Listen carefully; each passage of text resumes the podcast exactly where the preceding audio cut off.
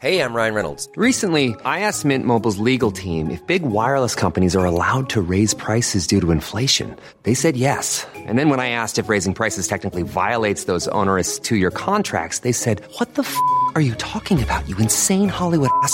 F- So to recap, we're cutting the price of Mint Unlimited from $30 a month to just $15 a month. Give it a try at mintmobile.com slash switch. $45 upfront for three months plus taxes and fees. Promo rate for new customers for limited time. Unlimited more than 40 gigabytes per month. Slows. Full terms at mintmobile.com.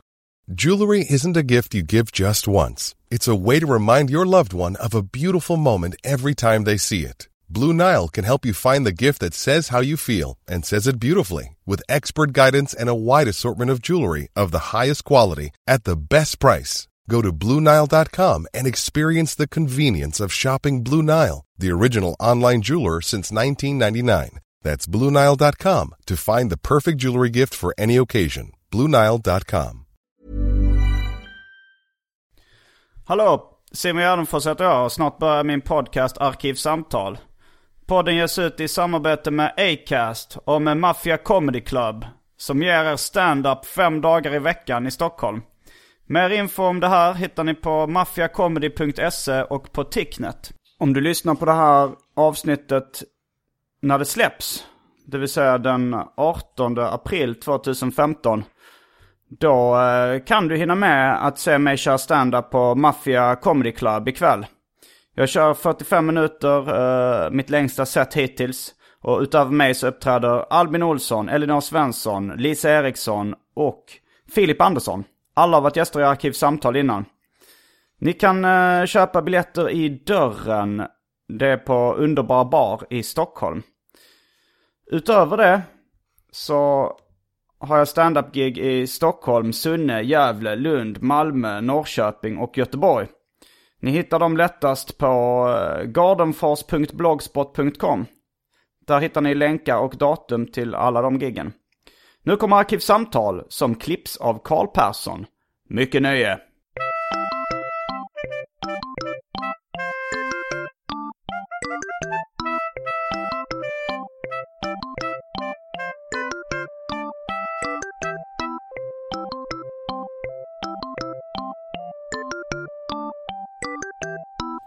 Åt till frukost i morse. Det här klassiska ljudtestet. Eh, jag åt en macka som eh, min kollega köpte till mig på Urban Deli. Då kan vi säga att ljudtestet är över. Och vi säger hej och välkomna till Arkivsamtal. Jag heter Simon Gärdenfors och mitt emot mig sitter Branne Pavlovic. Var det rätt uttalat namn? Ja, det var rätt. Så du heter Hej. egentligen Branislav Pavlovic. Ja, precis. Branislav är mitt riktiga namn. Och du är uh, stand-up-komiker. det känns som att jag sitter i ett polisförhör just nu. Och är det första frågorna polisen brukar ställa? Nu förutsätter bara för att du har en invandrarbakgrund så förutsätter jag att du har varit i ett polisförhör. ja. Har du varit det?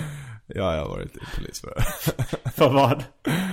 Vad var, Eh, vad var du åtal? Vad var det? Inte åtalad, vad var du misstänkt, misstänkt för? för. Eh, Den listan är lång. Den listan- Tänkte jag säga. Nej, men eh, våld mot tjänsteman. Mm. Eh, två gånger. Har auktoritära problem. Som de flesta komikerna tror jag. Ja, men du är två meter lång och ganska bred. Så Ja. du, eh, jag, även om jag blir arg på en tjänsteman så Vågar springer jag hellre därifrån. Ja. ja, det är smartare kan jag säga. Men ja, jag har varit i förhör. Bra start för Ja, du, du, Ja, vi har med oss en kriminell serb här ju. Du, du sa ju, det lät som att det var ett polisförhör bara för jag sa du, och du är stand-up-komiker. De Det flesta kändes- brukar inte reagera på det sättet och säga så här, "Jaha, det känns som ett polisförhör. Eh, ja, jag är stand-up komiker. Det skulle man och nu har vi även fått fram att du har en invandrarbakgrund. Ja, det, det har jag. Berätta om den. Ehm, den är serbisk. Eh, mina föräldrar är från Serbien och eh, deras föräldrar och eh, deras farföräldrar. Så det är väl vad jag är. Eh, Jag definierar mig själv som serb. Eh, alltså jag är född i Sverige, men eh, jag ser mig själv som mer serb än svensk. Mm. Ja, ja. Eh, det är otroligt eh, kul för att eh, svenskar blir provocerade av att man säger att man är svensk. Alltså till exempel Soran Ismail. Blir han provocerad av att du säger att du är Nej, svensk? men jag menar alltså Sverigedemokrater Ja, de blir blir- provocerade ja, över ja. att han säger att han är svensk. Och, och de som inte liksom är inom citationstecken rasister blir provocerade när jag vägrar kalla mig själv för svensk. Men jag känner inte mig svensk. Alltså även om jag tar del väldigt mycket av liksom den svenska kulturen på något sätt. Så.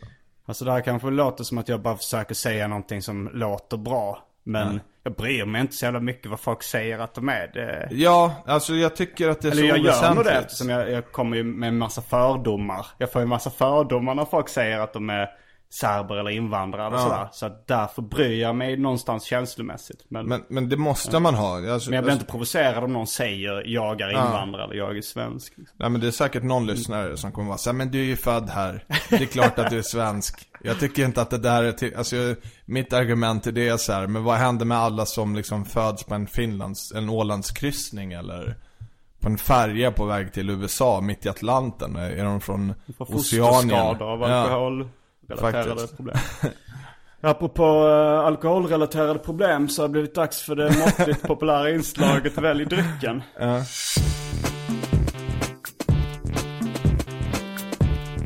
Jag tror vi börjar med det fasta inslaget Välj drycken!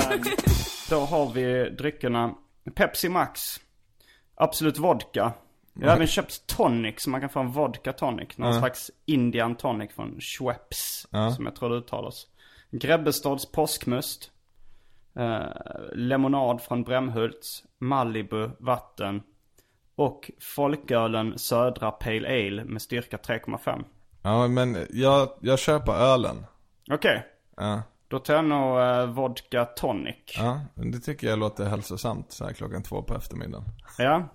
Det är ju den här ursäkten eh, att få dricka. Är att jag, eller det kanske var därför jag startade podcasten undermedvetet. För att jag, jag ville börja dricka för tidigt på. Och sen så är det också ett sätt att, att få prata med någon lite då och då. Det, det, alltså innan jag startade den här podcasten så var det väldigt få personer som kom över i min lägenhet och satt här och pratade. Så. egentligen om man bara satte en mick framför alla alkisar som liksom super i parkerna och spelade in det så skulle de inte vara alkisar utan då skulle de vara poddare. Det är ingen dum idé. Då hade de kunnat finansiera sitt missbruk också. Men för man hade ju faktiskt velat höra eh, Fimpen och Vesslan sitta i en park och bara, och bara ranta. Nu kanske det inte är så kul eh, i praktiken som det låter i mitt huvud nu. Ja, jag Man tror har- det hade varit skitkul. Men man har ju alltid, alltså hur länge pallar man med? Alltså när, när en alkis börjar prata med en park till exempel. Det är ju kul på ett sätt men man tröttnar ju ganska snabbt också. Det, det beror på hur, hur alkad han är, tror jag. Ja. Om det är så att han glömmer bort historier han redan har dragit, då blir det jobbigt. Men jag kan tänka mig att de har mycket att berätta. Ja, i och för sig. Det är tips till alla er parkalkisar som lyssnar på Arkivsamtal. Starta. Gör någonting för fan. Men det är, ofta, det är ofta det att man, man, jag och mina kompisar kommer ofta på idéer. Varför gör man inte si och så här som uteliggare? Man, man går in här och man gör det här tricket. Sen kommer man ju på efter ett tag att hade, hade de haft den där ambitionen och den här, då hade de kanske varit i en helt annan position just nu. Om de hade pallat Faktiskt. pallat trycket så att säga. Då är vi strax tillbaks med vodka tonic och en uh, folköl.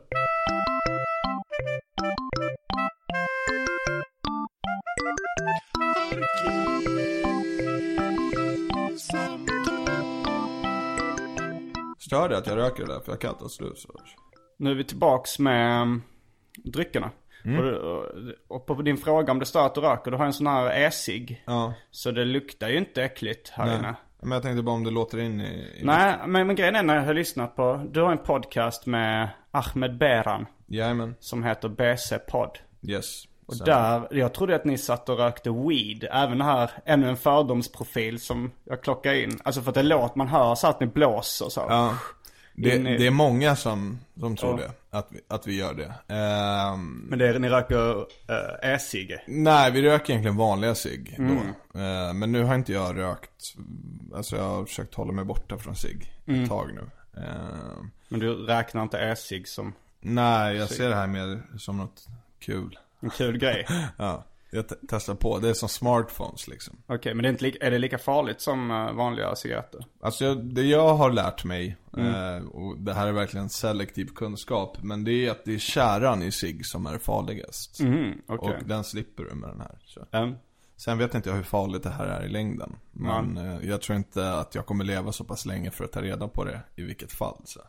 Det känns rätt lugnt liksom. Känner du att du inte kommer leva länge eller? vad? Nej, men alltså jag, alltså, jag är en väldigt eh, eh, realistisk människa liksom. Mm. Eh, båda mina föräldrar gick ju bort eh, väldigt tidigt liksom. I, eh, Eller inte tidigt, tidigt, men alltså, båda gick bort i cancer. Eh, min mamma var 42 Mm. och min farsa var 53.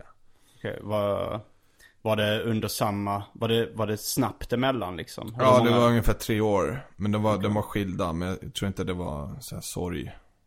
Så här, att han gick bort på grund av sorgen eller något sånt där. Inte för Nej. att de hatade varandra, men... Bara Nej, men otur. Sorg är väl ingen eh, legitimerad dödsorsak heller? Men jag, jag tror, alltså jag tror att det, det heter någonting, alltså typ så här ett äldre par när de Ja. dör. Att det är väldigt vanligt liksom att under samma år så dör partnern också. Jo, det... Men jag vet inte om det liksom finns en diagnos för det liksom. Nej, jag vet inte heller. Alltså ofta när någon dör, av sorg så tänker jag så här, okej de söp ihjäl sig Ja. något sånt där. Ja. Eh, men, för Men det jag finns tänker- ju inte så här, ja han... Ja, med ett äldre par, det är så här. de dör för att de inte orkar leta efter en ny att knulla med liksom. Hur dö, vad är dödsorsaken? att de torkar ut. så att de överdriven onani eller någonting. Ja, det är en bra, det är en vattentät teori kan man säga. Faktiskt. Men det var nog första gången jag såg dig som stand-up komiker var på Big Ben för. Det var innan jag hade börjat med stand-up. Det var ju en, en extraordinär upplevelse på något sätt. För du, du, var, du är ändå en ganska udda, både komiker och människa skulle jag nog säga. Eh, men du gick upp där på scenen och så drog några liksom, några skämt. Det var, det var inte helt tydligt att det var menat som skämt. Ja. Och sen började du prata om att ja, dina föräldrar dog. Ja. Och, och där fanns det inga, inga skämt inblandat. Du bara berättade det liksom på ett ganska tragiskt sätt. Och publiken blev ju bara ledsna.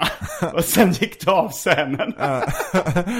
och det blev roligt som någon form av konceptkonst. Men det var inte traditionell stand-up. Nej, alltså, eh, eh, det, eh, alltså, det, nu, nu vet jag ungefär vilken, vilken period eh, du, du såg mig i. Mm. Eh, jag, jag tror jag har kvar klipp från, från de giggen. Du lät det filmas. Ja, Du är eh, konceptkonstnär alltså. Nej, alltså det, det vill inte jag säga att jag är, men, eh, men eh, det var under en period som jag, eh, som jag kanske inte skulle ha kört stand-up liksom. Eh, Och sen var det här eh, någonting som hade hänt så, så tätt inpå. Okej. Eh, liksom, eh, alltså min, efter att min farsa hade gått bort eh, en vecka senare, eh, alltså veckan efter hans begravning när jag var tillbaka i Sverige så stod jag på Big Ben och körde igen. Och eh, det var väl ett sätt att prata av sig, liksom. Ja. Men nu, eh, jag, jag vill bara eh, understryka att, eh, alltså nu är ju de där grejerna skämt liksom. Det, Eller- var, det var menat som skämt. det var menat som skämt. Det var bara att eh, jag kanske inte hade jobbat tillräckligt länge med det. Men, Jag minns det bara så här. Och så dog de. Och sen så var det tyst ett tag. Jag heter Branne Pavlovic. Tack så mycket för mig. men jag, jag hade, alltså jag hade ju en, eh, jag hade ju en, eh, en rutin, eller det, liksom alla mina rutiner börjar ju som, eh, kanske inte en one-liner men liksom setup punch liksom eh, till en viss del. Och, den första som jag hade kommit på kring, för att när någonting händer så tätt inpå, eh, alltså man skriver ju oftast till det som ligger en nära eller man skämtar om det som ligger en nära eller någonting som har hänt. Eh, Men det blir oftast inte kul förrän man har hunnit reflektera över det. Eh, Det, kände, alltså det visste inte jag liksom. Det var ändå rätt tidigt in på min, eh, inom citationstecken, karriär. Och, men det, det första liksom, taggen jag hade på den här rutinen var eh, Min mamma lagade världens godaste lasagne, sen hände någonting, hon dog. Okej. ja, om man, om man, ja, man kan ju bara säga laga världens sen dog liksom. jag, kanske inte, jag kanske missade den kopplingen att det var en, en medveten vilseledning. Att man skulle tänka att det hände någonting med lasagne. Men jag, jag, alltså under den perioden skulle jag väl inte säga att eh, jag var en, en så eh, tydlig komiker. På, på, på, alltså jag, jag vet inte, jag, jag, hade väl, eh, jag hade väl svårt att uttrycka mig och i, i början av min, eh, liksom när jag började köra stand-up så experimenterade jag fortfarande väldigt mycket för att försöka hitta eh, min röst liksom. Det, det var väl det jag gjorde och eh, Det enda jag visste innan jag började köra stand-up var, det var två saker som jag liksom, det var att jag Alltså att jag aldrig skulle sälja ut eh, liksom, det, det var min första och, och sen att eh, liksom, jag vill inte bli en företagsgiggande komiker Det var inte min De hänger ihop lite de två löftena. Ja, lite grann. Och, och jag ville verkligen ha en egen röst. Jag ville inte prata om eh, konventionella grejer liksom. Så bara, "Åh, jag är singel och jag är en liten, alltså liksom jag, när jag ändå ställer mig på scen så vill jag känna att så här, jag drog inte skämt om samma grejer som tio andra rookie-komiker liksom. Utan jag vill ändå stå ut. Så, och det är en större utmaning också att, att ta ämnen eh, som, eh, som man vet inte är alltså okej liksom. Eh, självmord, eh, döden, eh, svartsjuka, otrohet, våldtäkt, barn. Alltså liksom, eh, jag, jag var mer chock. Eh, Alltså jag har aldrig tyckt om att sätta mig i fack. Men man skulle väl kunna säga att jag var mer en chockkomiker i, i början. Och det var mycket för att jag ville bara lära mig eh, och, och kunna liksom ta mig ur det på något sätt. Gräva den här gropen och sen ta mig ur den. Det är väl rätt intressant det där med, som du berättade om att du ställde dig på scenen bara någon vecka efter, eller väldigt kort tid efter liksom dina föräldrar hade dött. Eller? Jag, jag upplevde också det, alltså när jag har haft, varit med om jobbiga grejer så har jag liksom Första gången, alltså jag har bara kört stand-up i två år. Men eh, när det tog slut med min förra flickvän efter så här långvarigt förhållande. Då var det liksom direkt när vi gick på gatan och pratade då så okej, okej då gör vi slut liksom. Det var rätt så uppskärande. Då tänkte jag, men fan jag går ner till Mafia Comedy och testar om jag kan köra stand-up i det här tillståndet. Och då kände jag att det gick skitbra. Eh, och det kanske var då på grund av, ja men det, det är skönt att bara fly från de tankarna man har och gå in i eh, ett annat mode. Och samma sak min, min eh, kompis begick självmord i somras. Och det var också ex, mm, extremt kort tid efter det så gick jag upp på, på jag var i Malmö då och gick upp på, eh, på besök. Och de hade mm. publiksnackskväll och det gick liksom jättebra. Är liksom bättre. Är bara fler människor borde bara dö i min omgivning så att jag Jag bra vet, gig. jag vet inte om det var en slump att det gick liksom, eller att det var det här att man verkligen inte ville vara eh, bara fast med sina egna mörka tankar utan liksom köra vidare. Men, men jag tror att det blir, man kommer i, eh, alltså en scenkaraktär är ju på något sätt ett eget liv. Alltså man är ju något halvt schizofren liksom. Eh, som, eh, som komiker tror jag. Eller all konst som utövas är man ju liksom, man försöker ändå Man fokuserar på vissa sidor av sig själv och Ja. bygger en karaktär av det. Och jag tror det är lätt att fly till den personen när saker och ting är jobbigt. Jag har ju liksom personligen aldrig pratat med en psykolog eller liksom på något sätt har det här ändå Alltså på gott och ont eh, ändå hjälpt mig ta mig igenom det här. Men, men sen, eh, alltså jag har ju haft, eh, alltså jag har ju eh, livets botten eh, tror jag har varit i rätt, rätt många gånger. Liksom. Eh, Alltså dels med liksom, missbruk av droger och liksom, den sorgen som man har haft. Liksom. Eh, Och sen i samma veva, i och med att jag hade en lillebror under, som jag har fortfarande, men sen fick ta hand om. Liksom, när, efter att min farsa hade gått bort. Så, Hur gammal var han när uh, båda dina föräldrar? Eh, han var 14 när min, när min far gick bort. Eh, så under samma veva har man liksom haft ansvar för en annan människas liv där man egentligen inte ens har varit kapabel till att ta hand om sig själv liksom. Eh, Hur alltså, gammal var du under den perioden? Hur många år eh, jag var 26 när, när eh, min farsa gick bort. Jag kände också när, jag fick ändå dåligt samvete på något sätt att jag ställde mig på en scen och, och var rolig så kort tid efter liksom något eh, hemskt hade hänt. Jag, jag kunde ju intellektuellt inse att jag har ingen anledning att ha dåligt samvete för det här.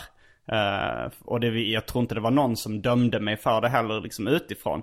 Men det var en känslomässig reaktion ändå så här, jag borde inte tramsa mig nu liksom. Ja, jag vet. Men det är ju liksom en förväntning att så här, nu, nu ska man sörja. Eller nu ska man inte må bra. Eller, Ja. Du ska egentligen, ja men man ska fylla någon, någon slags eh, förväntan över hur man ska ta någonting. Eh, det var ju samma sak, eh, men det här har jag aldrig dragit på scen, men det var så här. För att, eller jag har en version på det, men liksom eh, när folk tröstade mig att mina föräldrar hade gått bort så var det alltid så här, ja men det är lugnt, de är med dig och så här. Och då är man så här, men vill man det? Liksom, Att de ska vara med. Ja, när är det okej att ha sex igen utan att de blir sura över det? liksom, man säger, går de ut i rummet då eller? man vet inte liksom om man vill att de ska vara med eller inte. Eh, Men jag är inte spirituell på det sättet. Jag Nej. tror inte på det. Men det var väldigt jobbigt att veta så här, okej när är det okej att ha sex igen efter att ens farsa har gått bort liksom? Ja, alltså du tänkte bara rent känslomässigt. om man Ja, ska ha dåligt liksom, det är, så här, det här, är det okej att njuta nu?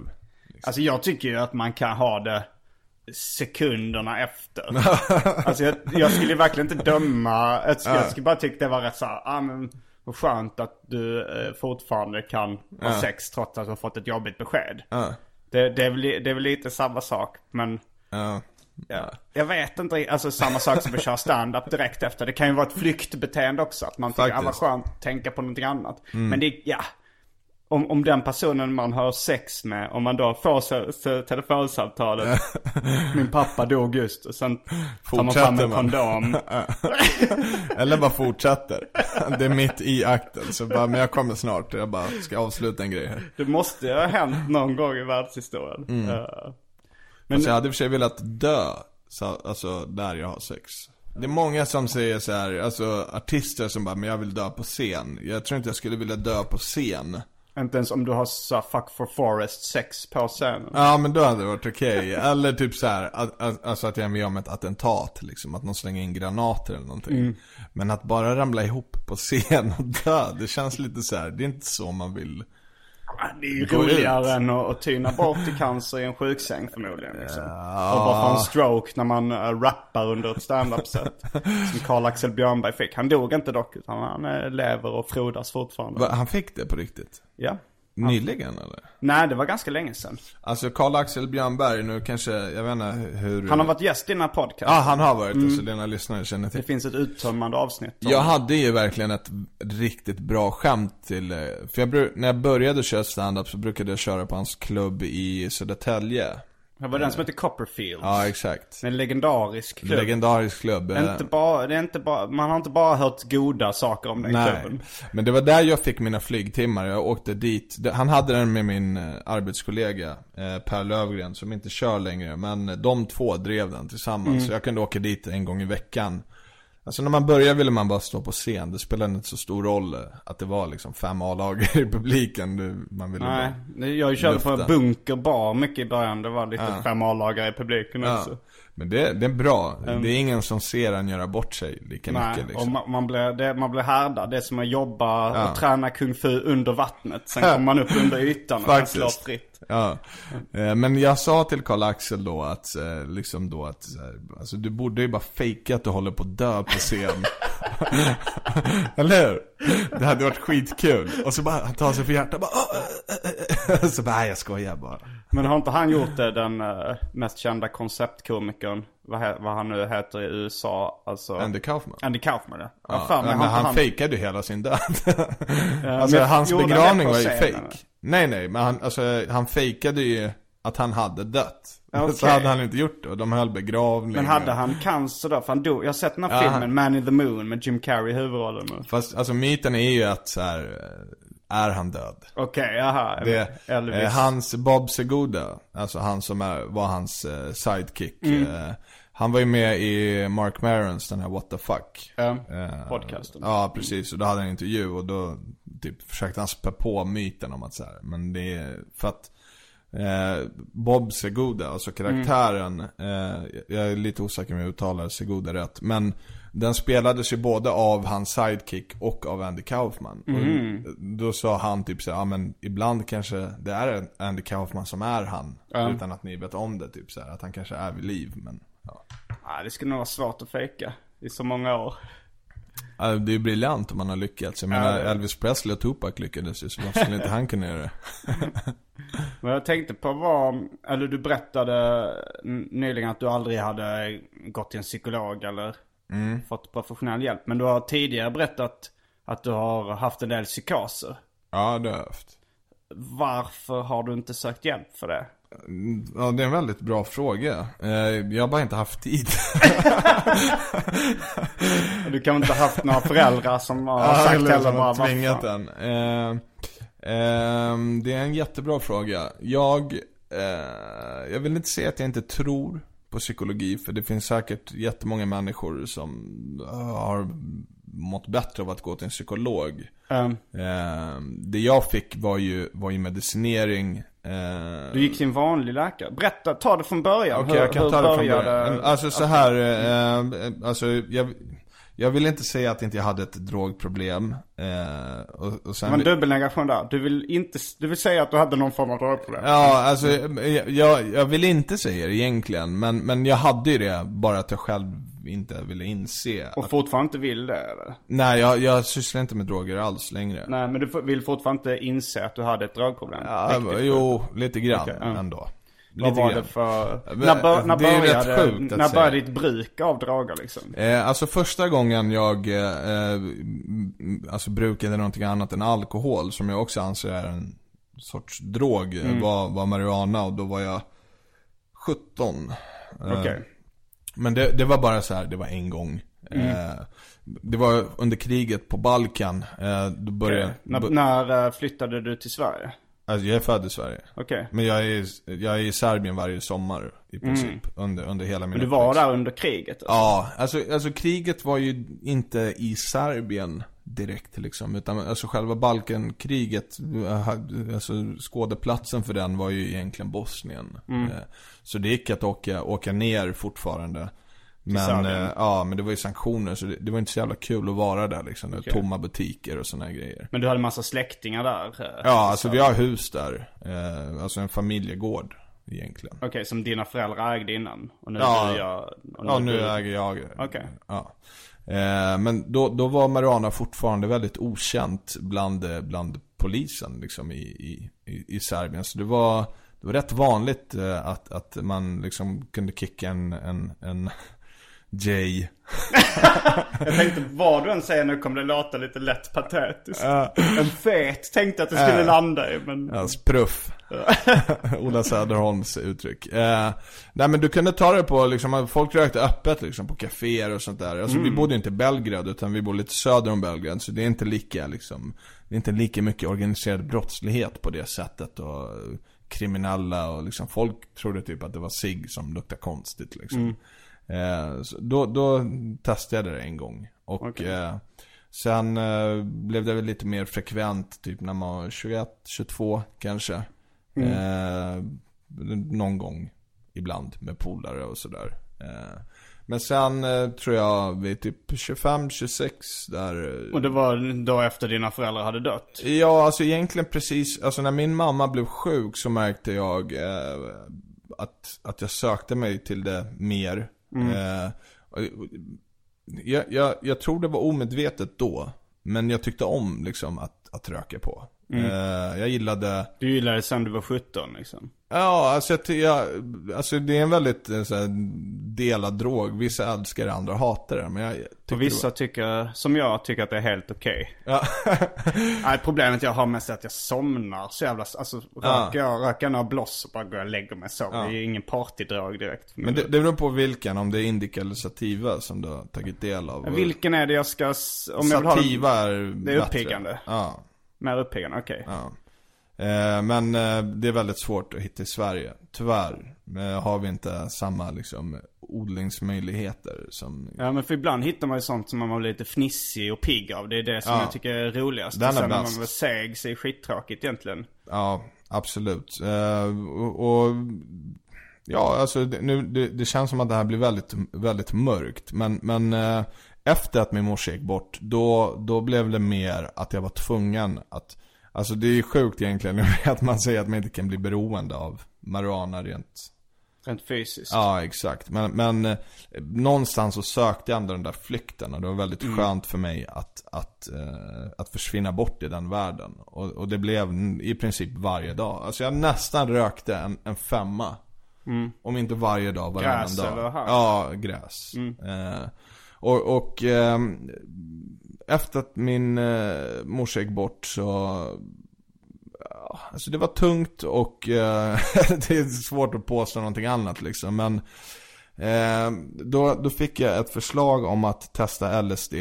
Eh, att det skulle vara grymt. Och eh, jag, jag testade lite andra droger men aldrig hallucinogener då. Och eh, då läste jag lite om, om LSD liksom. Eh, och det, det här är bara för att visa hur lite självinsikt man har när man ändå är där man är som människa. Men liksom så här, men typ vad ska man tänka på när man tar LSD, flashback liksom. Och så står det så här, ja men tänk på att ha en bra setting. Att man har någon som är där som har gjort det tidigare. Att ni kanske har någon som inte har tagit LSD som kan liksom få det på kontroll om ni skulle snia eller någonting. Och så, så typ så här, det absolut viktigaste är, ta inte det om du typ är deprimerad. Någonting hemskt har hänt nyligen, bla bla bla. Och jag var så här, "Ah, jag mår väl rätt bra. eh, alltså, jag hade inte en reflektion överhuvudtaget Nej. på att så här, mina, min morsa hade precis gått bort. Eh, Sen är det roligt att liksom flashback, att man ser det som en, en pålitlig källa till information. Okej, det, är- det är lite crowdsourcad på något sätt. Att det är många som, som skulle kanske säga emot om någon säger att någonting är, ren, Ja. är rent åt helvete. Men, men, men alltså det, man, man, blir ju skickad till lite länkar och sådär också. Eh, det- Skumma hemsidor. Ja, faktiskt. ja, det, det är inte Sauls eh, hemsida är det inte. Eh, Menar du fast? Fass menar jag, förlåt. Eh, men ehm, men då, då, då, då tog jag LSD eh, en gång. Och eh, strax efter det, alltså nu, nu kommer ju folk bli upprörda över att jag säger det. För att det finns ju folk som påstår att man inte kan få eh, psykos på grund av att man har tagit LSD eller heller, eh, att det heller triggas av marijuana utan att det är liksom i en psyke. Men, Det finns också de som säger att det finns vissa samband. Ja men det ska till ha kommit ut en forskning rätt nyligen som liksom eh, Som avfärdar det. som avfärdar det helt. Men det, det här hände mig i alla fall. Jag skyller inte på, på LSD. Men jag kanske tog den en dålig period. Men, men jag fick en, en kraftig psykos. Alltså den, den första psykosen som, som jag fick. Mm. Var det Eh, direkt liksom i samband med LSD-ruset? Nej, alltså det här var liksom under LSD-ruset var det rätt kontrollerat. Eh, mitt misstag kanske var att eh, när jag liksom började landa, att jag faktiskt rökte lite, lite marijuana Eh, under landningen.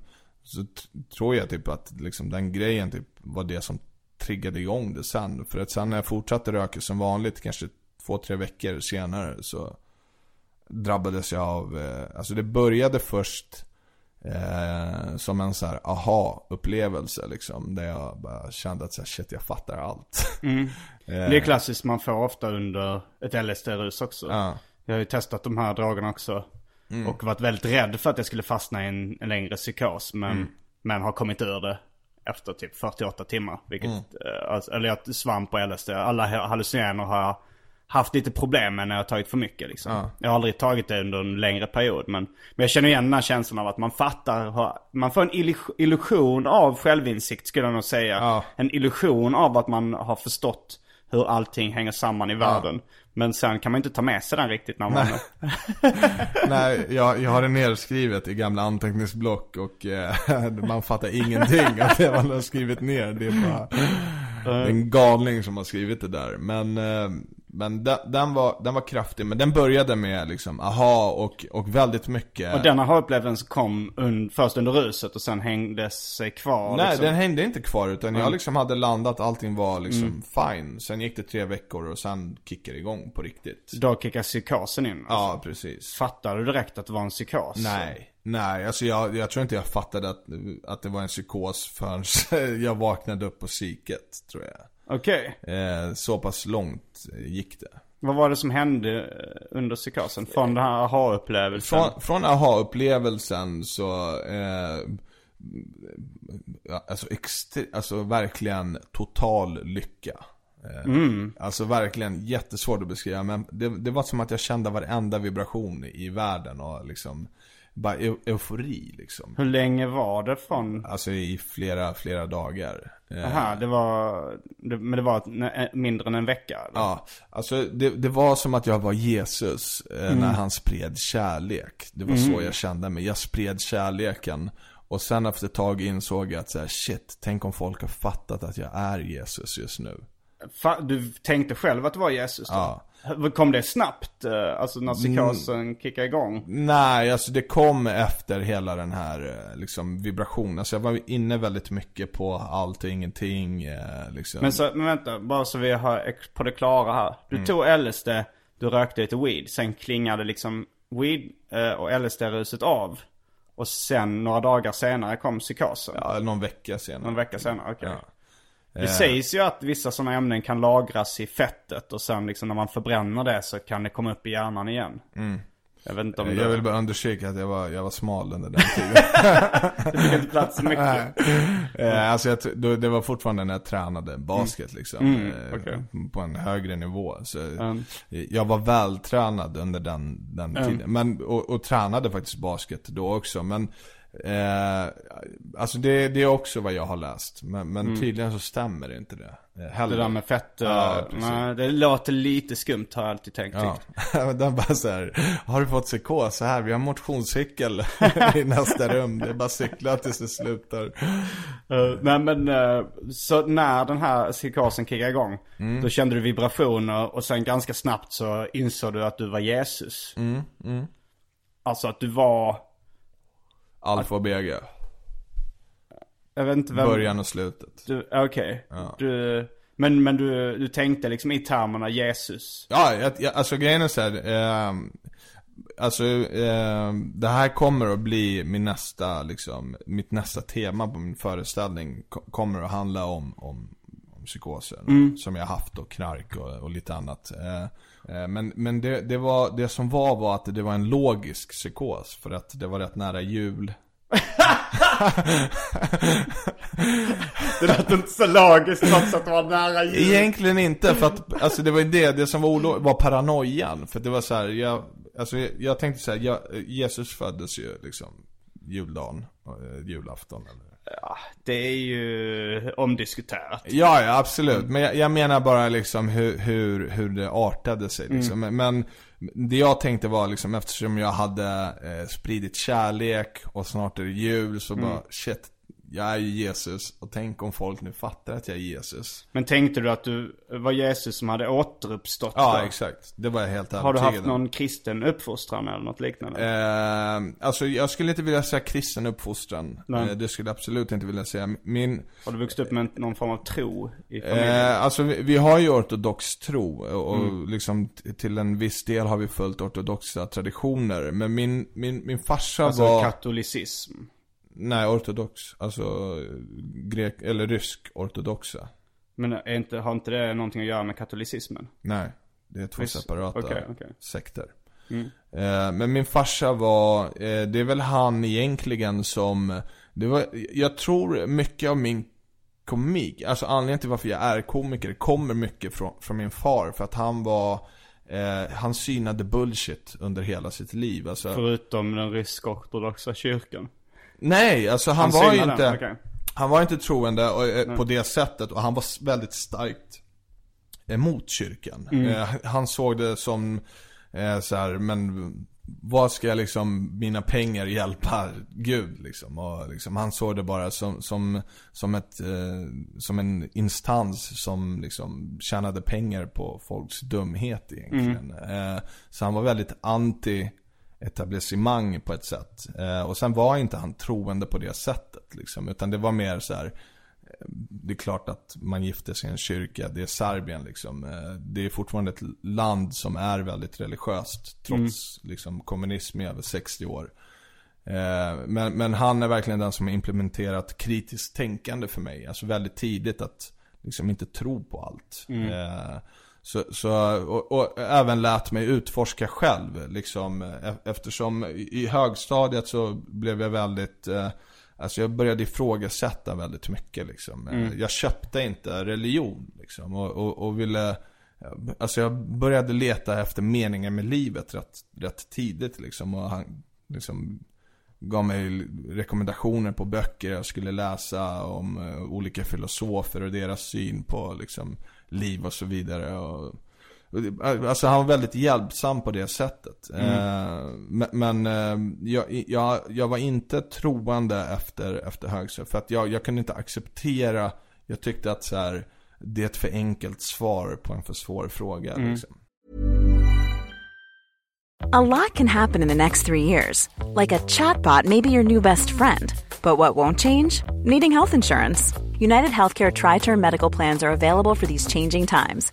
Underwritten by Golden Rule Insurance Company, they offer budget friendly, flexible coverage for people who are in between jobs or missed open enrollment. The plans last nearly three years in some states, with access to a nationwide network of doctors and hospitals. So, for whatever tomorrow brings, United Healthcare Tri Term Medical Plans may be for you. Learn more at uh1.com. Quality sleep is essential. That's why the Sleep Number Smart Bed is designed for your ever evolving sleep needs. Need a bed that's firmer or softer on either side? Helps you sleep at a comfortable temperature? Sleep Number Smart Beds let you individualize your comfort so you sleep better together. JD Power ranks Sleep Number number 1 in customer satisfaction with mattresses purchased in-store. And now, save 50% on the Sleep Number limited edition Smart Bed for a limited time. For JD Power 2023 award information, visit jdpower.com/awards. Only at a Sleep Number store or sleepnumber.com. Nice. Yeah. What you're hearing are the sounds of people everywhere putting on Bombas socks, underwear, and t-shirts made from absurdly soft materials that feel like plush clouds. Yeah, that plush. And the best part? For every item you purchase, Bombas donates another to someone facing homelessness. Bombas. Big comfort for everyone. Go to bombas.com slash ACAST and use code ACAST for 20% off your first purchase. That's bombas.com slash ACAST. Code ACAST. Men sen tillbaks då till när du väl fick för dig att det var Jesus. Ja. Kom det lite som en chock då? Oj, Jesus eh, var eh, vår frälsare och det är jag.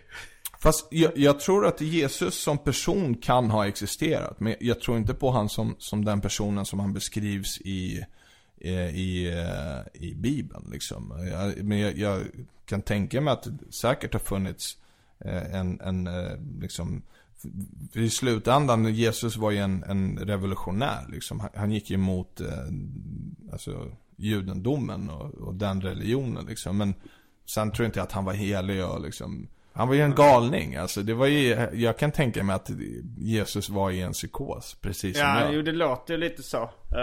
alltså det, det är liksom, det- ja, alltså så han var en fanatiker liksom. Helt omöjligt att veta vilka historier om honom som bara är gamla Mm. hjältesagor och myter. Och, och ifall, han, ifall det finns någonting som... eh, Men jag förnekar inte personen, men jag, jag, jag tror inte på liksom det religiösa. Jag har gjort en stand-up-rutin där jag jämförde med Bellman och att liksom det fanns någon som hette Bellman men sen finns det mycket historier om Bellman som inte är så trovärdiga. Alla Bellman-historier och så vidare. Eh, och så är det väl lite med Jesus. Men tillbaks till eh, när du just har kommit på att du är Att jag är Jesus. Ja. Och hur, vad gjorde du de dagarna då under de här eh, psykosdagarna? Mm, Alltså jag hade ju... Du sa att du spelar basket ändå. Jag, jag spelade... Jesus på basketplan. det faktiskt. känns som en amerikansk risig komedi. Jag slängde upp många Jesus. Hail Marys. eh, nej men, eh, eh, alltså jag var, jag var ju arbetslös under den perioden. Så eh, jag behövde inte vara så funktionell. Eh, men eh, jag spelade in eh, någon så här kortfilm med Petter Bristav. Finns de här på YouTube när du mitt under fullt utblommad psykos? Alltså under hela den inspelningen är jag i fullt upp, utblommad psykos. Okej, och vad, vad, vad ska man söka på på YouTube om man vill se det? Fan, jag kan inte komma på vad den hette. Men det, det är någon sån här studentfilm som man gjorde. Men den finns. Eh, Det där är precis innan, typ, eh, typ någon dag efter att jag hade spelat in det där hamnade jag på psyket. För att det gick över till extrem paranoia. Då vågade inte jag lämna min lägenhet överhuvudtaget. Vad var det du trodde skulle hända? Eh, alltså jag trodde, eh, alltså det här är ju rätt, eh, shit vilken härlig bild jag ger ut av mig själv till dina Du lyssnare. berättade ju att du har fått en psykos. ser det i det ljuset. Eh, nej men eh, jag, jag var helt övertygad om att, eh, om att eh, alla ville döda mig och sen För att du var Jesus eller? Ja precis. De ville hänga upp det på ett kors. Och den sista eh, personen och den sista interaktionen som jag kommer ihåg var med min farsa där jag trodde att han var djävulen. Eh, Mm, så det här var innan dina Ja, det var innan, min Din morsa hade hade dött, men, inte min farsa. Okej. Eh, och det här var också väldigt synd, eh, att, eh, alltså det här var ju typ eh, fyra månader innan han faktiskt gick bort. Eh, att han liksom, ja men att han, alltså på något sätt ändå fick reda på att jag knarkar och liksom, det var väldigt mycket som kom fram liksom. Precis innan han gick bort. Vilket inte var, var så kul under den perioden. Men alltså det blev inget handgemäng. Jag blev inte våldsam liksom. Nej. Utan eh, jag var mer orolig att så här, eh, han skulle försöka döda mina bröder eller någonting. Mm. Eh, Sen somnade jag. Men du kände dig själv lite smått osårbar då om du var Jesus eller? Nej, alltså vid det tillfället så, så tror inte jag att jag kände att jag hade superkrafter liksom. Nej. Tror jag inte. Utan det var mer, eh, alltså, Du kanske inte tänkte helt rationellt heller? Eh, Jag tror inte det. jag tror inte det. Eh, men, men sen vaknade jag på, på, på psyket. Okej, liksom. du fick en minneslucka Ja, någonstans. det är bara helt svart. Vet du, vad, vet du vem som tog dig dit? Det eller? var min farsa. Okej, han som- tog sig in i din lägenhet. Alltså det var ju min brorsa som hade ringt dit honom för att Mm. han tyckte liksom, han visste inte vad han skulle göra. För han försökte verkligen hjälpa mig, alltså min Mm. mellanbror. Men han visste till slut inte liksom vad, vad Nej. Jag vet inte om han skrev på drogakuten på Flashback För att få hjälp men, eh, men han ringde min farsa och liksom eh, För att han trodde väl att det skulle gå över liksom. Mm. Han fattade att det var någonting som inte stämde liksom. Jag kunde sitta uppe i flera nätter i sträck Jag sov knappt liksom Hyperaktiv var jag liksom Mm.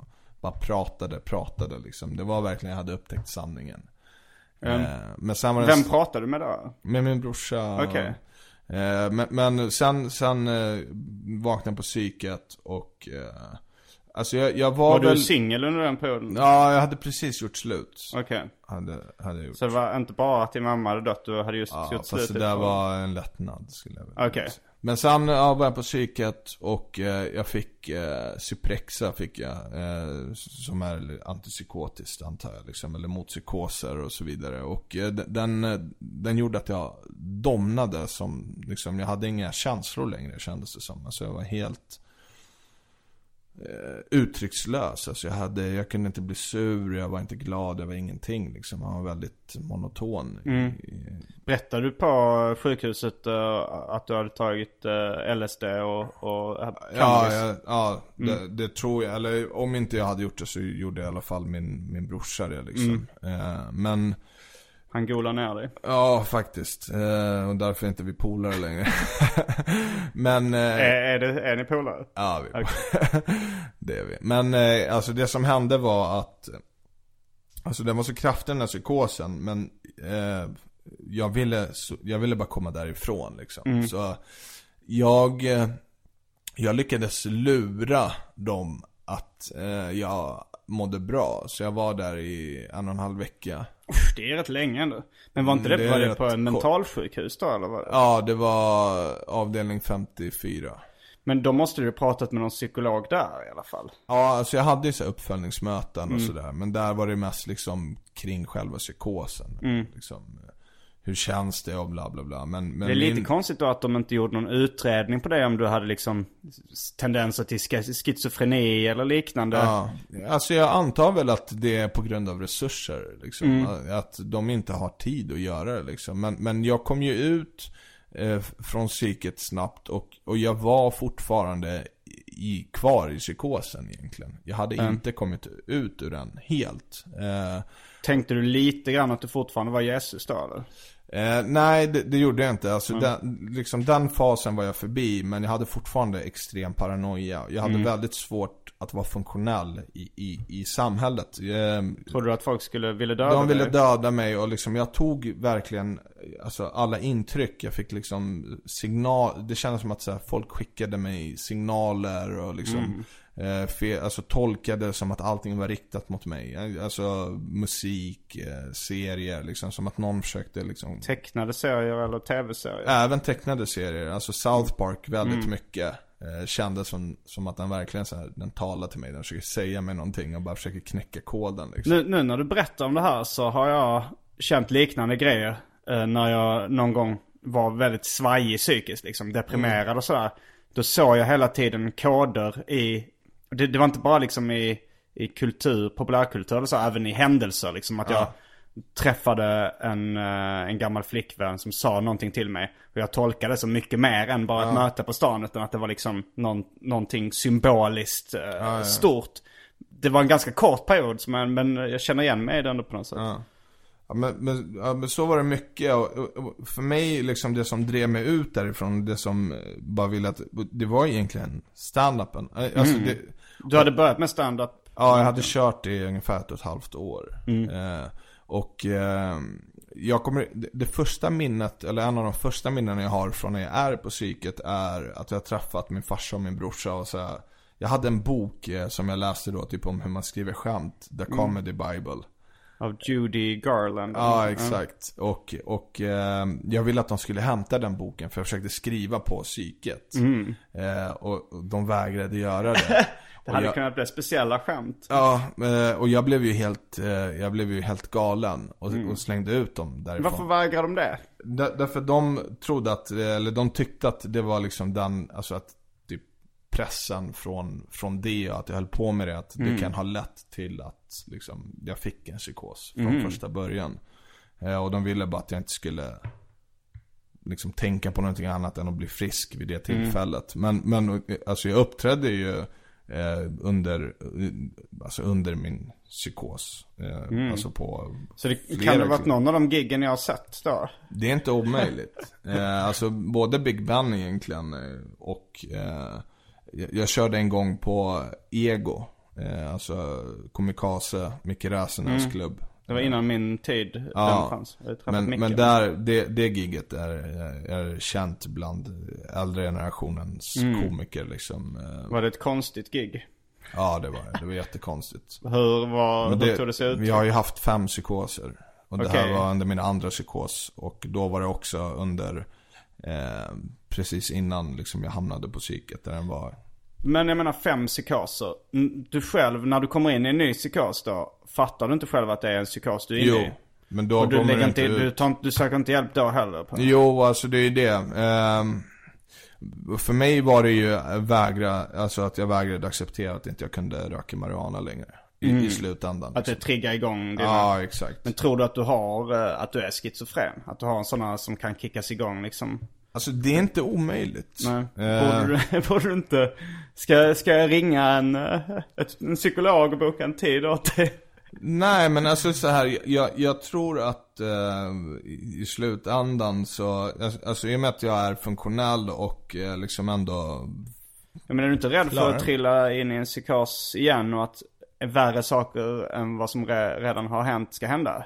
Alltså nu är jag ju så pass eh, erfaren kring psykoser att jag vet liksom när det är på gång. Alltså Klipp till psykos 6. Ja. Du just har stuckit kniven i precis. Nej, men- jag har ju inte, alltså jag har ju inte rört weed på fyra år nu och Så alla de fem eh, extra, eller? Eh, weed. Weed-relaterad, Ja, och sen dess har inte jag haft någon in... Alltså jag hade en liten, och det märkte jag liksom när, när jag blev väldigt, stre- alltså när, när jag är väldigt stressad har jag märkt att jag kan få eh, indikationer på att det är liksom på gång. Men då lugnar jag liksom, då försöker jag bara lugna ner lite. Men eh, när jag spelade in min första standup skiva eh, Veckan innan den så började jag få liksom de här eh, tendenserna kring eh, liksom det som ledde till mina förra psykoser. Eh, Att jag började känna liksom att så här, saker och ting pratar med mig och sådär. Men, men eh, då bara liksom drog jag ner ett par varv liksom i, i livet liksom. Och bara försökte slappna av lite. Men jag tror stress är också en utlösande faktor liksom. Jo. Men eh, jag tycker ändå att du borde lä- alltså, läsa på mer om det eller prata med någon. För det känns ju som att om du oförutsett skulle råka ut för en extremt stressande situation. Så borde du ju liksom ha eh, verktygen, ursäkta klichén, för att veta hur du ska göra liksom. Rent, eh, det hade ju varit bra. För det, det kommer kommer ju säkert hamna i stressiga situationer framöver också. Men det, men det har jag ju gjort. Alltså Mm. liksom. Jag är inte tillräckligt insatt för att kunna ge expertråd. Men det känns ändå som eh, lite konstigt det där att de bara släpper dig från psyket och sen, eh, sen får, du- får du Det liksom... har ju gått bra. jag sitter här idag. Mm, det gör Eh, du. Så det har ju gått bra liksom. Men eh, absolut. Det har varit intressant. Vi var med i samma roast eh, på Big Ben. Eh, då när Erik Bamberg blev roastad. Tänk, och tänk om du hade fått en psykos där då av stressen av att bli häcklad av eh, andra komiker.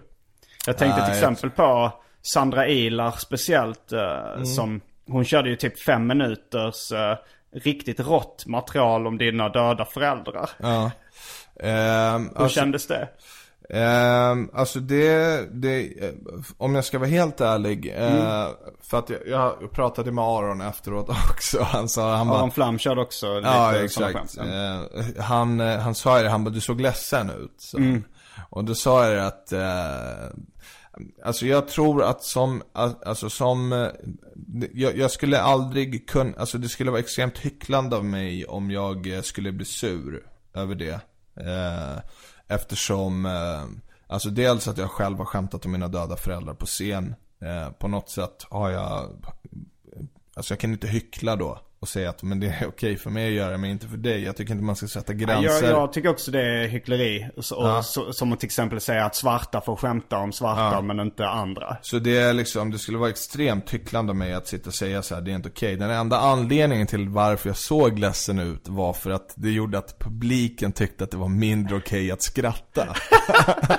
så det var den enda anledningen. Eh, alltså jag tog ingenting personligt under den roasten överhuvudtaget. Eh, Aron letar ju efter min triggerpunkt. Eh, vi ska ju ut på turné och eh, han spelar in sin eh, minidokumentär. där han ska försöka sätta igång skit mellan oss allihopa. Eh, men eh, alltså min triggerpunkt skulle jag aldrig berätta för någon. Du Liksom. har en sån? Ja, ja, det har jag absolut. Alltså man skulle verkligen, alltså skulle man träffa den punkten, då hade man provocerat mig till, eh, alltså till, eh, till att det blev våldsamt liksom. Eh, men det är inte någonting av det, liksom, det man kan tro egentligen. Eh, Alltså typ, det man kan förvänta sig, alltså att man skämtar om mitt utseende eller min, min eh, flintskallighet eller liksom. Alltså jag tar Alltså det här är rätt lugnt för mig liksom. Jag, alltså jag har rätt stor distans till mig själv liksom. För mig är det mer om någon, alltså om någon försöker sätta sig på mig eh, i, i andra situationer eller försöker lyfta sig själv genom att liksom sparka på mig. Då, då kan jag liksom säga ifrån liksom. På, Är det det du säger är din triggerpunkt? Eller har Nej, du en, men, har, men jag gillar en- inte, jag gillar inte när, när någon liksom eh, spelar ball liksom. Nej. Alltså så här, eh, speciellt folk som pratar eller liksom så här eh, approachar mig på ett sätt som att så här, alltså jag kommer slå dig typ liksom. Alltså nu är inte det så vanligt i den här standup-branschen. men jag menar liksom rent generellt i livet liksom. Mm. Eh, det är väl den enda så här, som jag kan reagera på. Men Det är annars... väl ingen som tar det på ett bra sätt när någon muckar gräl med en liksom. Nej, och, och, men jag, jag kan, alltså det är ju mycket sublima dissar i vår, i vår bransch. Eh, jag Mm. lyssnade ju faktiskt på, på ditt avsnitt med, med Peter Wahlbeck. Mm. Eh, och jag, jag kan tycka så här. eh, Jag kan tycka det är synd när någon som Peter Wahlbeck som ändå liksom eh, Det var inte så sublima dissar, det var rätt Nej. så rakt men, på men sak. jag tycker det är så, så trå... Alltså det som är synd med, med, med honom är att eh, han förstör ju på något sätt sitt eget arv eh, genom att liksom göra det han gör. Det, vissa skulle säga så men det är en del av hans briljans. Men jag, jag tycker inte det. Alltså han dör för, alltså för mig väldigt mycket. För jag tycker han är otroligt liksom hycklande som, som människa liksom. Han talar emot sig själv, vilket kanske är definitionen av hyckleri. Men jag tycker bara det är så sjukt att någon kan säga någonting så briljant om någonting och sen sekunden senare säga det mest idiotiska som man har hört i hela sitt liv. Eh, men jag tycker är bara synd att man, eh, man det blir svårt för någon att se upp till någon annan eh, Mm. som beter sig på det sättet. Alltså du, du dödar ju dig själv lite grann på det sättet, tycker jag. Jag tycker bara man ska omfamna, bara för att man inte är del av det nya, tycker jag ändå man ska omfamna det. Alltså det är ju många komiker som har gått ut och bara, ah, med de här nya komikerna, det är bara knullskämt och bla. Men det är så här, det finns ingen komiker som inte har haft ett knullskämt. Alltså jag tycker bara så här, alltså, sitt, alltså det mest osmakliga jag vet är när komiker dissar andra komiker. Och speciellt liksom eh, eh, utåt liksom. Eh, Alltså, jag kommer ihåg när någon komiker hade kommit till Big Ben och börjat dissa Petra Mede. Eh, Jag, jag tycker att det där är stegfel liksom. Alltså det är så här, det är inte okej. Eh, Dels för att jag tycker att Petra Mede är briljant. Men sen också, då är du helt plötsligt inte komiker. Utan då är du de här som skriver på Aftonbladets kommentarsfält. Du är publik helt plötsligt. Eftersom du på något sätt inte förstår en annan liksom, konstnärs arbete. Liksom. Jag, tycker inte att man har rätten att moralisera över vad en annan komiker gör. Det är liksom min utgångspunkt i allt. Därför kan inte jag säga, ja nej men det var inte okej att Sandra gillar skämtade om mina döda föräldrar. Det var okej och det var roligt. Och även om inte det hade varit roligt, det är fortfarande okej. och jag tycker det är det viktigaste liksom i, i, i, i branschen liksom. Att så här, men försök inte liksom sätta dig på en, på en hög häst när vi alla egentligen gör samma sak liksom. Till en viss del. Hur kom det sig att du började med stand-up? Eh, alltså jag... Eh, alltså den historien, den kommer ju...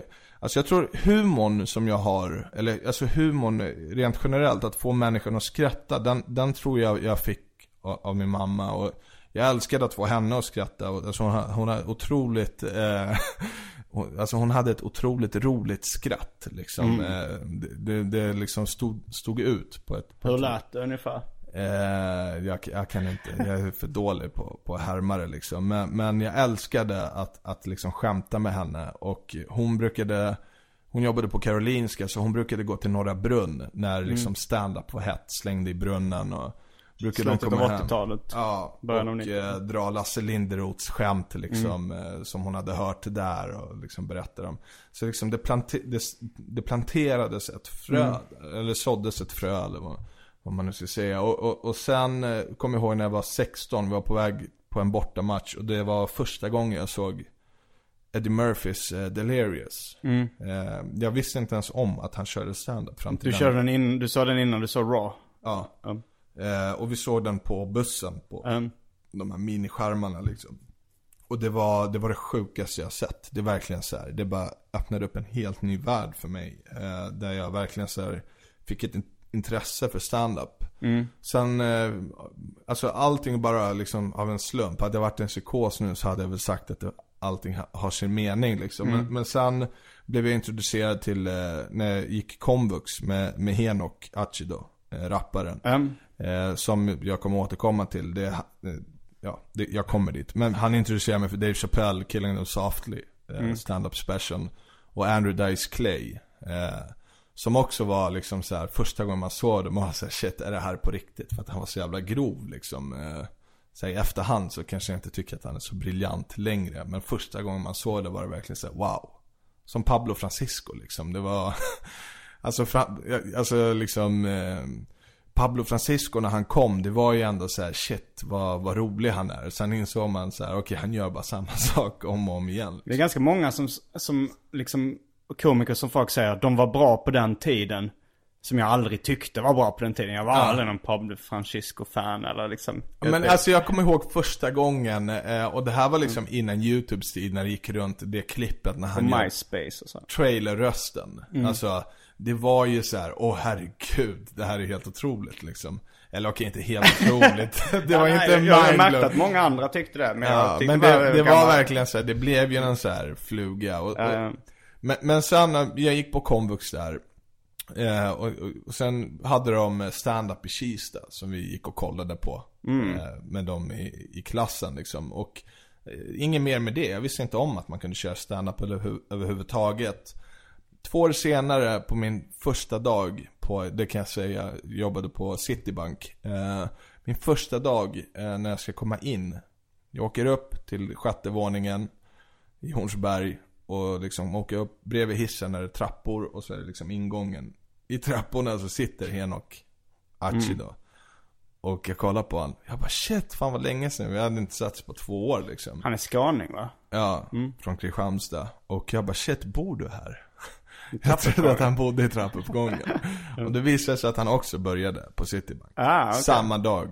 Eh, och i alla fall, vi jobbade på Citibank och eh, Alltså han tyckte ju om mig för att jag var ett asshole liksom. Och han tyckte att jag var kul. Eh, och det var han som, alltså han, jag vill inte säga att han tvingade mig att köra stand-up Men han tyckte verkligen att jag skulle börja köra stand-up Och då var jag så här. Äh, varför inte? För att Per Lövgren från mitt jobb, det var liksom då jag insåg att så här, okej, det går att köra stand-up Men jag visste inte hur man börjar liksom. Vem var Per Lövgren? Eh, det var en norrlänning eh, som, som körde. Han körde från 2006 eller något sånt. Han brukar köra Okej. mycket på Big Ben och Um, Karl Axels klubbar. Men eh, han körde och liksom, det blev på något sätt så här: okej det finns ändå vanliga människor som gör det. För jag visste liksom aldrig hur, hur, kommer, hur blir man Nej. komiker liksom. Alltså så här, hur, hur jag trodde liksom att det var skådespelare på något sätt som hade utbildat sig och liksom Jag visste inte att liksom, det var så tillgängligt som det var då. Och eh, jag vet inte, jag bara fick någon så här. Alltså min morsa hade dött. Eh, jag hade varit med om en bilolycka där jag, alltså det var en nära döden upplevelse och, och lite efter den insåg jag att så här, eh, shit jag vill verkligen göra det jag vill i mitt liv liksom. Alltså, alltså jag ville, jag ville göra de sakerna, jag vill inte, jag vill inte ha ånger över mitt liv. Dels att jag såg liksom mina föräldrar jobba under hela sina liv och slita på liksom Ja men slita för att vi skulle ha det bra liksom. För att de var ändå första generationens invandrare och liksom Hade det mycket tuffare att ta, sig in i samhället. Och eh, Men man såg liksom att så här, de, de dog ändå med någon ånger att liksom de kanske inte hade gjort det de ville göra i livet. Och jag kände bara så här eh, Pengar är inte allt. Utan jag vill verkligen göra det Det jag vill göra liksom och inte känna att jag kommer vara 50 sen och bara ah, varför gjorde jag inte det här? men, Eh, Nu- Så jag skrev till Öz på. MySpace. Mm. Eh, så här, var han känd då? Ja, Öz var känd. Eh, jag bara, hej hur, hur börjar man köra stand-up? Och så skickade han, eller det roligaste var, det här kommer jag aldrig glömma för att han skrev så här Branne? Frågetecken. Som att det är ett konstigt namn. Från någon som heter Öz. Alltså jag tyckte bara det var den roliga. Men sen skickade han länk till Bungie Comedy. Och så skrev så här, om du vågar, typ så här. Och jag blev så här, vad, ser jag ut som? Typ, Vadå om du vågar? Typ så här. I ain't no bitch. Uh, Bungy Comedy var också där jag tog min första Mm. uh, scenframträdande. Det är ju så här en nybörjartävling liksom. Ja. Var det där du, nu för tiden är det ju på något sätt ett radarpar med Ahmed Beran. Var det där du träffade honom? Nej, eh, Ahmed bodde ju under en period eh, i, i, eller han är ju uppväxt i Rågsved, men, men Var är du uppvuxen? Akalla. Men han är Bor ju... du där fortfarande? Ja, jag bor fortfarande i Akalla. Och eh, han bodde, jag vet inte om han bodde ihop, men de var väldigt bra vänner. För Henok bodde också i Rågsved ja. med sin tjej. Eh, så egentligen är mitt band med, med Ahmed, förutom eh, Henok, som på något sätt liksom är vår gemensamma faktor. Henok, Achido och Dave Chappelle är vår gemensamma faktor. Eh, och sen också alla som vi känner. För att alla våra vänner känner varandra på ett eller annat sätt. Och varenda gång jag träffar någon som han liksom har umgåtts med eller spelat basket med. Som fick reda på så här, okej du kör stand-up. Så bara, men fan känner du inte Ahmed? Och liksom på den, Körde han, började han innan du med stand-up? ja jag tror han började 2006, jag började 2007. Okej. Så det var på det, liksom, det var så vi sammanlänkade. Och sen hade vi, förutom Dave Chappelle, weed som ett gemensamt intresse. Väldigt kul ihop. Eh, Men Dave Chappelle är egentligen en stark, det är liksom, vi, vi är inte överens om någonting. Men Dave Chappelle är liksom det som håller den här vänskapen vid liv. Mm. Nu ska du på, ut på turné med Ahmed, Beran, Aron Flam, Jonathan Unge. Är det Ja. någon till? Nej, det är vi tre. Hashtag. Fyra. Vill du själv plugga det eller ska jag göra det? Eh, jag kan, jag kan plugga den. Eh, det, det är hashtag sämst. Eh, sämst med E. Och eh, hemsida för att hitta datum som vi kommer besöka är www.sämst.se. Eh, Sämst står för övrigt för, alltså så att ni, inte ni tror att så här, vi sänker förväntningarna på vår show eh, för Super Epic Mega Sweet Titans of Comedy. så det kommer bli en jävla show, missa inte det. Och med de orden så avslutar vi veckans avsnitt av Arkivsamtal. Mm. Jag heter Simon Gärdenfors. Bralle Pavlovic. Fullbordat samtal.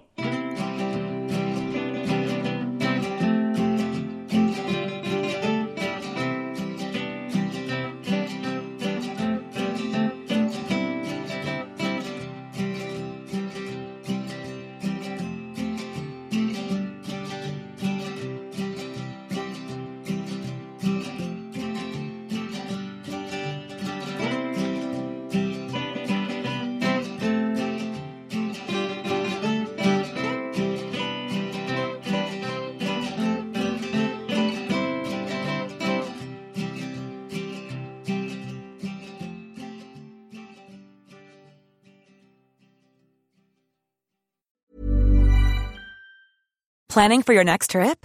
Elevate your travel style with Quince. Quince has all the jet setting essentials you'll want for your next getaway, like European linen, premium luggage options, buttery soft Italian leather bags, and so much more. And is all priced at 50 to 80% less than similar brands. Plus, Quince only works with factories that use safe and ethical manufacturing practices. Pack your bags with high-quality essentials you'll be wearing for vacations to come with Quince. Go to quince.com slash pack for free shipping and 365-day returns. Planning for your next trip? Elevate your travel style with Quince. Quince has all the jet-setting essentials you'll want for your next getaway, like European linen, premium luggage options, buttery soft Italian leather bags, and so much more. And is all priced at 50 to 80% less than similar brands. Plus, Quince only works with factories that use safe and ethical manufacturing practices. Pack your bags with high-quality essentials you'll be wearing for vacations to come with Quince. Go to quince.com slash pack for free shipping and 365-day returns.